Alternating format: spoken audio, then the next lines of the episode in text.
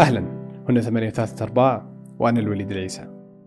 عندما تتابع شخص وترى الكثير من تفاصيل حياته ترى منزله وعائلته وأصدقائه تعرف ما يسعده ويحزنه. أين يذهب كل يوم وكيف يقضي وقت فراغه؟ فمن المتوقع أن يكون هناك علاقة بينك وبين ذلك الشخص. الشخصيات في الأفلام والمسلسلات نحزن كثيرا عندما تموت. بالرغم من أنه تمثيل ولكننا تعلقنا بهم لأننا رأيناهم وعشنا معهم الكثير من اللحظات الخاصة. قديما كانت العلاقة بين المشهور والمتابع هي بالمحتوى الذي ينتجه فقط لا بشخصه أيا كان هذا المنتج أغنية كتاب أو شعر مثلا. ومع ظهور برامج مثل سناب شات وتويتر ويوتيوب أصبحنا نرى الحياة الشخصية لهؤلاء المشاهير ونعتقد أننا نعرفهم حق معرفة. والآن ظهر لنا الكثير ممن يسجل كامل تفاصيل يومه وينشرها كفلوج. المحتوى هو حياته الشخصية فقط. فمن الطبيعي أن الكثير من الناس وبالتحديد الأطفال سيتعلق بهذا الشخص لأنه يعتقد أنه صديق الذي يعرف عنه الكثير. اليوم نظرة مع مازن العتيبي المعد لحلقة فنجان على اليوتيوب لماذا الفلوجات أكثر أنواع المحتوى انتشارا عن تعريف العلاقة التعلقية وكيف تبدأ. عن من ينتجون حياتهم الشخصية كمحتوى وسبب انتشارهم. والتأثير الذي يكون عليهم. وعلى الجمهور المتابع. خاصة الأطفال.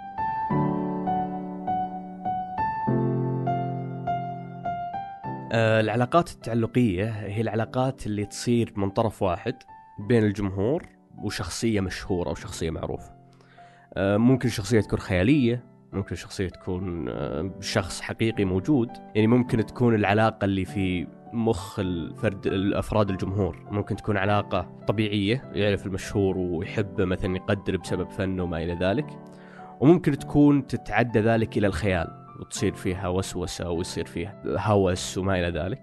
سو so, العلاقة هذه اللي هي بين شخص مشهور أنا أتعلق فيه عشان محتواه ولا عشان شخصه هو؟ العالم تحاول تفرق بس اللي هي في نهاية المطاف تقريبا شيء واحد، اللي أنت عندك شخص معين شخص أنت ما تعرفه ما عمرك قابلته ما تعرفه كإنسان لكن عندك مشاعر تجاهه بسبب شغله أو بسبب صورته العامة تصير كثير لما مثلا يتوفى مغني مشهور آه، ويكون عمره كبير ويبدون الناس اللي مثلا في اعمارهم في الأربعين أو الخمسين يتذكرون أغاني هذا الفنان وتأثيرها على حياتهم لما كانوا مراهقين ولما كانوا آه، شباب وكيف كانت كانت أغاني جزء كبير من حياتهم ولونت حياتهم وأسعدتهم ما إلى ذلك. هم ما يعرفون شيء عن المغني هذا التقدير بسبب شخصه فالضرر هنا أقل. قليل. يعني لا يزال في تأثير فمثلا أنت هذا الشخص ما تعرفه لكنك تحزن عشان شخص أنت ما تعرفه مات.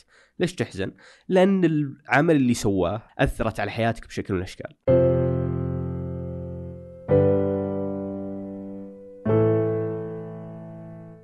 المشكلة اللي قاعدة تصير الآن في مع الإنترنت. حياتك آه، الشخصية هي الشيء اللي أنت تقدمه وهي الشيء اللي يخليك مشهور. يعني قليل لما نتكلم مثلا عن مغنيين لما نتكلم عن فنانين ممثلين اللي ما عندهم حضور آه، عام موجود على ال social media. يعني هذه هي مشكلة الإنترنت إنه العلاقات هذه موجودة من زمان. أنت ممكن تكون قبل مية سنة ما في نت ما تعرف أحد ومع ذلك إنه فيه كذا تعرف مثلا الشاعر الفلاني. شاعر كل العالم تعرفه تتناقل قصائده فيصير عندك علاقة معه حتى لو ما قد قابلته. لكن هذه علاقة محدودة بال... بالمحتوى اللي هو قاعد بالمحتوى اللي هو قاعد يقدم صح.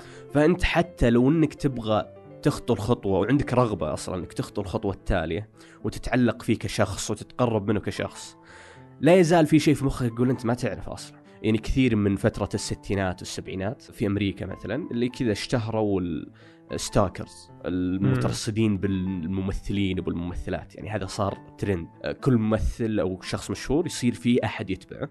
والعالم تحس إنه stalker أو الشخص اللي يقع في حب ممثل مثلا يحسون إنه غير منطقية البنت هذه. يعني ما كيف كيف تحبين شخص ما تعرفينه؟ لأنه في هذا الحاجز. كان فيه المجلات تتناقل حياة الممثل يطلع هو في البرامج التلفزيونية ويتكلم عن حياته بس هي فعليا ما تعرفه. فكان في حاجز إنه ما تقدرين أصلا تقولين إنك تحبينه. الآن مع النت خصوصا مثلا مع مشاهير اليوتيوب. هو قاعد يعرض لك حياته آه المشهور هذا راح تشوفه في غرفة نومه. من أول كان علاقة الجمهور مع المغنيين بالمحتوى اللي هو كان ينتجه. م. الحين بعد ما طلعت ال social media صاروا الناس يتابع. مثلا لو أقول لك كيتي بيري ولا تايلر سويفت تلقى عندهم ملايين المتابعين 50 مليون م. 60 مليون. فأنا مو بس قاعد أسمع أغانيه أنا جالس أشوف حياته الشخصية أنا جالس أشوف في تويتر إيش قاعد يكتب. وأعتقد إنه هو صديقي. مع أنه هو علاقته معه مجرد محتوى. في دراسة سووها كانت عن العلاقة التعلقية اللي تصير بين الناس وبين الشخصيات الخيالية في الأفلام. فيقول لك إنك أنت هذه الشخصية الخيالية أنت فعليا أنت عايش معها. مثلا لو نقول هاري بوتر أنت جالس تشوف أشياء في هاري بوتر الشخصيات الثانية مو جالس تعرف عنها بس أنت تعرف. تتحمس معه تقول يا أخي لا لا تروح. فسووا الدراسة قالوا الحزن على شخصية تموت وش بيكون تأثيرها عليك أكثر؟ شخصية خيالية في فيلم هاري بوتر ولا أي شخصية في Game of Thrones ولا الشخص اللي يدرس معك في احد الكلاسات. سووا الدراسه وطلعت إنه الناس ممكن يحزنون على شخصية خيالية أكثر من شخص حقيقي شخص. عنده عائلة وعنده أصدقاء. بالضبط. مع إنها شخصية خيالية. ممكن تحزن وتبكي وت... وتزعل من الكاتب ليش يقتل دي الشخصية الخيالية؟ أنت تعلقت فيها. لأنك شفت أشياء المفترض إنه ما حد شافها. نفس الشيء مع المغنيين والممثلين. أنا جالس أشوف حياته الشخصية أشوفها بسناب شات أشوف عائلته وأصدقائه وأعتقد إني أعرفه. ممكن أحزن حزن شديد صار له شيء مع إنه بيني وبينه أغنية. مثلا إيه. أو شيء زي كذا. لما نتكلم مثلا عن الشخصيات الخيالية أنت ليش تحزن أكثر على شخصية خي- خيالية؟ أنت تحس إنك تعرف الشخصية هذه أكثر ما تعرف زميلك مثلا في الفصل. صح. أنت شفته في شخص في أوقات كان لوحده. أنت شفته في آه، أكثر آه، مراحل حياته حزنا أكثر مراحل حياته فرحا. أنت تعرف الشخصية هذه. هذا اللي يصير مع مثلا لما نتكلم عن المشاهير. مشكلة المشاهير اللي عندهم حضور social حتى مو بس social media ممكن حتى في الجرايد وفي المجلات وفي البرامج التلفزيونية اللي حياتهم الشخصية تطغى أغانيه تصير جزء أقل من الصورة العامة. تأثير ال social media ما هو بس في ال- المشاهير التقليديين تأثير ال social media يجي مع مشاهير ال social media. ففجأة ال social media الآن مثلا خلينا نتكلم عن اليوتيوب أو الإنستغرام حتى أو السناب شات لما حتى تكون مشهور في هذه المنصات أنت قاعد تقدم نفسك. هذا محتواك. محتواك هو حياتك الشخصية. محتواك وجهك. بس هل هذا محتوى حقيقي يعني؟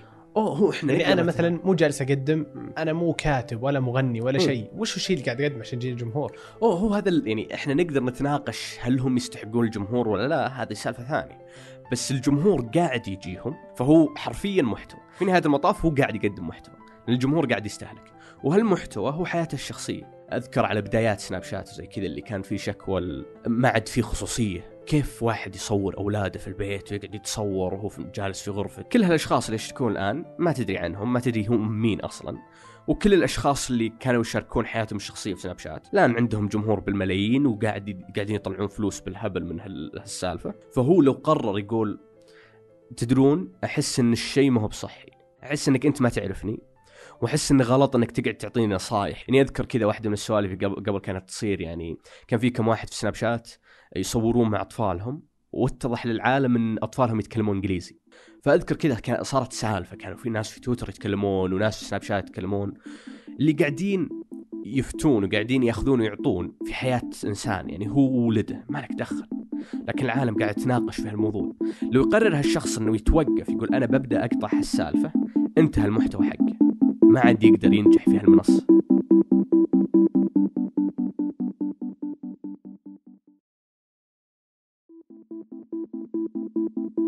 عبارة العلاقة التع- التعلقية parasocial relationship بدأت في الستينات وكانوا يتكلمون عن مقدمي الأخبار الأشخاص اللي يطلعون بوجههم وباسمهم الحقيقي ويتكلمون وكيف العالم تحس بعاطفة تجاههم. فكان كلامهم هذا عرض جانبي. فأنت مذيع الأخبار الفلاني ممكن تكون عندك مشاعر معينة تجاهه. مم. في نهاية المطاف الحجر الأساسي الشيء اللي يجمعك ويجمعه ما هو ما هو شخصيته. الشيء اللي- الأخبار اللي اي الشيء اللي يجمعك ويجمعه هو عمل الصحافي عمل الإخباري. الآن الشيء اللي يجمعك ويجمع الفلوجر المعين إنه شخصيته. هو قاعد حرفيا قاعد يبيع حياته اليومية. صارت العلاقة التعلقية هو الشيء اللي العالم تبغاه. وصاير كذا لما آه، يوتيوب يحاولون يحفزون العالم إنهم يس- يسوون قنوات أفضل وإنهم ينجحون على يوتيوب. كذا كان فيه شيء اسمه YouTube Academy إنهم إيه. يساعدونك كيف تنجح في في اليوتيوب. كذا كانت واحدة من النصائح إنه كون صداقات مع جمهورك. أنت لا تقعد تفكر إنك تتكلم مع مليون شخص. لا أنت راك تتكلم مع أشخاص أفراد. خليك طبيعي العالم يبغون يشوفون واحد عفوي. فكذا كان قاعد يقول العلاقة التعلقية ما هو شيء جانبي. علاقتك مع الجمهور هي حجر الأساس. هو اللي هو اللي ينجحك ولا يفشلك. اي ايا كان محتواك ما يفرق. يعني أغلب الناس لو بتجلس تتكلم عن محتوى كمحتوى ما في محتوى غيرهم. أنا أستمتع الآن لما أشغل فلوج معين أستمتع وأنا أشوف فلان قاعد يتكلم شخصيته لطيفة. كذا قاعد أتكلم عن محتواه مو كأني أتكلم عن محتوى كأني أتكلم عن صديق. مم. كأني قاعد أختار أصدقاء. يوم تسألني ليش أمشي مع فلان؟ أوه والله شخصيته حلوة. أوه يعني لازم يقدم لي كتاب ولا يكون كاتب آه. رائع ولا عادي شخص راعي سوالف سوالفه حلوة إنسان شخصيته لطيفة. أبغى أجلس معه. فكذا صار هذا معيار المحتوى اللي موجود الآن. إنك تكون صداقة مع صانع المحتوى ما هو علاقة مع محتوى أصلا. وبعدين من طريقة كلامه هو ومن طريقة تسمية المجموعة هذه اسم معين وكذا. بالضبط. أنت كمشاهد تعتقد أوه أصلا هذا يعرفني لو شفته بالشارع وسلمت عليه بالضرورة بيبتسم مم. علي زي ما لما كان يبتسم بال يعني هو شيء للأسف إنه بعد يعتبر شوي مدروس. من ناحية صناع المحتوى. يعني أنا. كصانع محتوى أبغى يكون عندي جمهور أبغى يكون عندي جيش فلان ولا أصدقاء علان وما أدري يعني إيه. أبغى يكون عندي المجموعة ذي اللي حولي. الرغبة هنا ما هي رغبة سيئة. صانع المحتوى ما هو قاعد يفكر إني والله أنا قاعد أستغل العالم. صانع المحتوى قاعد يفكر في جمهوره كأنه أشخاص جيدين وتجي مقاطع من جمهوره ويشوفهم يحس ان في أشخاص موجودين في هالسواد العظيم يحسهم فعلا أشخاص جيدين وإنهم يحبونه. لكن أنت كإنسان قدرتك على رد الحب هذا محدوده. عندك مليون شخص يحبك و... ويعرف تفاصيل معينة في حياتك وما عنده مانع يجلس معك ويسولف معك. وعندك جمهور ضخم فعلا يهتم فيك. السؤال الآن أنت هل تقدر تعكس نفس الشيء وتصير صديق المليون شخص؟ أحس إنك ما تقدر. صعبة جدا. في ج- نسبة معينة من الجمهور واعية بما فيه الكفاية إنها حتى وهي جالسة تلعب هاللعبة هي تعرف إنه مستحيل الشخص الفلاني يهتم يعني. المشكلة هنا إنه غالبية لما نتكلم مثلا عن الفلوجات جمهورها أطفال يعني. عمر حساس وبنفس الوقت لسه ما كونوا الوعي الاجتماعي الكافي إنهم يستوعبون إن فلان ما هو بصاحبي انه فلان فعلا ما بيهتم. يعني أذكر كذا كنت أشوف مقاطع الكم vlogger آه، يروحون يحضرون ال conventions إيه. وهذه. ناس أعمارهم 25 26 27 28 هذول ال vloggers وجمهورهم 14 سنة 13 سنة. ويحاول يتواصل مع الجمهور يبغى يتواصل إنه على نفس المستوى. بس أنتم ما أنتم على نفس المستوى. يعني أنت وياه طريقة تفكيركم تختلف تماما. لكنه يحس إنه يعرفك. فأنت حتى وأنت تبغى تردها فجأة كذا اللي 20 شخص 25 شخص كلهم يلحقون يبغون يتصورون معه. فهذه فيها ضرر على صانع المحتوى نفسه. إنه قاعد يحاول يرد الحب ما يبغى يطلع كأنه متكبر. وصار في توقعات على اليوتيوبر نفسه على صانع المحتوى نفسه. لازم تتعامل معنا كان اصدقائك ولازم نكون كلنا على نفس المستوى ولازم نقضي وقت. وأنا مثل ما أسألك عن يومك وأعرف أشياء عن حياتك لازم أنت تعرف أشياء عن حياتي. هو شيء غير منطقي للأمانة. ولا تزال يعني حتى كل هالمشاكل أحسها لا تزال ضئيلة مقارنة بالمشكلة الأعظم وهي طريقة تعليم. هذه علاقة. ال- الآن اللي قاعد تصير بين الجمهور آه، والصانع المحتوى مم. ومثل ما قلت لك قبل شوي جمهور ضخم اللي واقع في هالعلاقات اللي هو. الأطفال ومثل ما قلت إنهم بعد ما عندهم لا يزال ما عندهم الوعي الاجتماعي هالعلاقة تبدأ تخلق لهم نمط إذا هو هذه الطريقة اللي هو قاعد يختبر فيها الصداقة قاعد يختبر فيها تقضية الوقت وقاعد يختبر فيها الألفة للمرة الأولى مم. فهذا بيصير النموذج حقه روح في يوتيوب اكتب فلوج وبعدين ابحث وتطلع لك النتائج. في الخيارات فوق غير نمط عرض النتائج للأحدث. وبيعرض لك كذا بت- بتبدأ تطلع لك صفحة صفحتين ثلاث صفحات. كلها فلوجز وكلها أطفال. الشخص اللي عمره مثلا خلينا نقول 25 26 هو واعي هو إيش يحتاج يسوي حتى ينجح كفلوجر. هو هو عارف إيش الأشياء اللي يحتاج يسويها. فهو في ممكن يحتاج مق- مقالب يحتاج كذا عناوين فضائحية بزيادة. صار بالغ ما فيه الكفاية إنه يعرف كيف ينجح. هذه لعبة وهو قاعد يلعبها. الطفل ما يدري وش يسوي. حرفيا ياخذ الجوال ويصور وهو رايح البقالة ويصور وهو قاعد يتمشى في الحديقة يصور وهو قاعد في البيت وتشوفه قاعد يحاول يستنسخ اللغة. السلام عليكم شباب كيف الحال ما شباب مين الشباب ما في صح. أحد عدد المتابعات صفر عدد المتابعات يسوي. نفس الشيء يعني مثل ما قلت يحاول إنه يصير في مجتمع ثاني بالضبط. يطلب like يطلب subscribe يطلب بالضبط. مع إنه فعليا ما فيه ما في جمهور جالس اي يتابع ما أحد حوله وأحس هذه بيكون لها تأثير كبير عليه إنه أوه أنا جالس أسوي شيء وأتكلم ليش ما حد قاعد يجيني؟ نمط العلاقة هو قاعد يتوقع حب. هو يشوف فلان الفلاني قاعد يسوي الشيء هذا والعالم قاعدة تحبه وقاعد تتفاعل معه فهو يبغى نفس الشيء. فهو قاعد يتوقع حب قاعد يتوقع إن. أحد يتفاعل معه وما أحد قاعد يتفاعل معه. فتاثيرها سلبي. وبعد تأثيرها إنه الرغبة في جلب التفاعل ما هي رغبة جيدة. لانها ممكن تخليك تسوي أشياء ما هي جيدة لنفسك.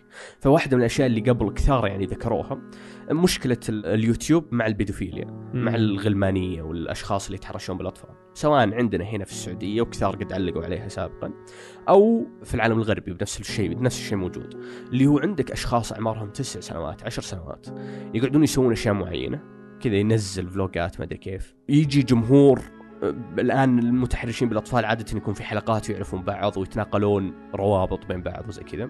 فجأة يكتش يكتشفون هش الطفل فجأة الطفل يلقى فيه تفاعل يلقى فيه لايكات يلقى فيه ردود صح عليك سوي الشيء الفلاني. فجأة تبدأ سالفة التحديات. تصير التحديات متحرشين بالأطفال هدفهم ارضاء شهوتهم ويبدون كذا إنهم قاعدين يدفعون الطفل لأنهم يدرون إنه يبغى لايكات يدرون هو الطفل ما يدري إيش السالفة. ويبغى بس فعلا يبغى لايكات يبغى مشاهدات يبغى subscriber زيادة. فهو يشوف سوى حاجة نفعت فيبدأ يكررها لأنه يبغى الجمهور يجي وهو ما يدري وش عواقبها. فأحس هذا هي الخطر الفعلي من من هالنوع من المحتوى. يعني أحس فكرة الخصوصية يعني صاير شيء غريب. يعني أنا أذكر أول ما بديت أدخل النت وأدخل منتديات وزي كذا اللي كان شيء ضخم إنك تقول اسمك. كذا ما كان شيء طبيعي. يعني انسى صورتك انسى معلوماتك الشخصية اسمك الحالي. يعني أذكر أول يمكن كان عمري 13 سنة أذكر كذا إيميلي حسابي في المنتدى كلها كان الإعصار الإعصار. يعني ما كان عندي سالفة.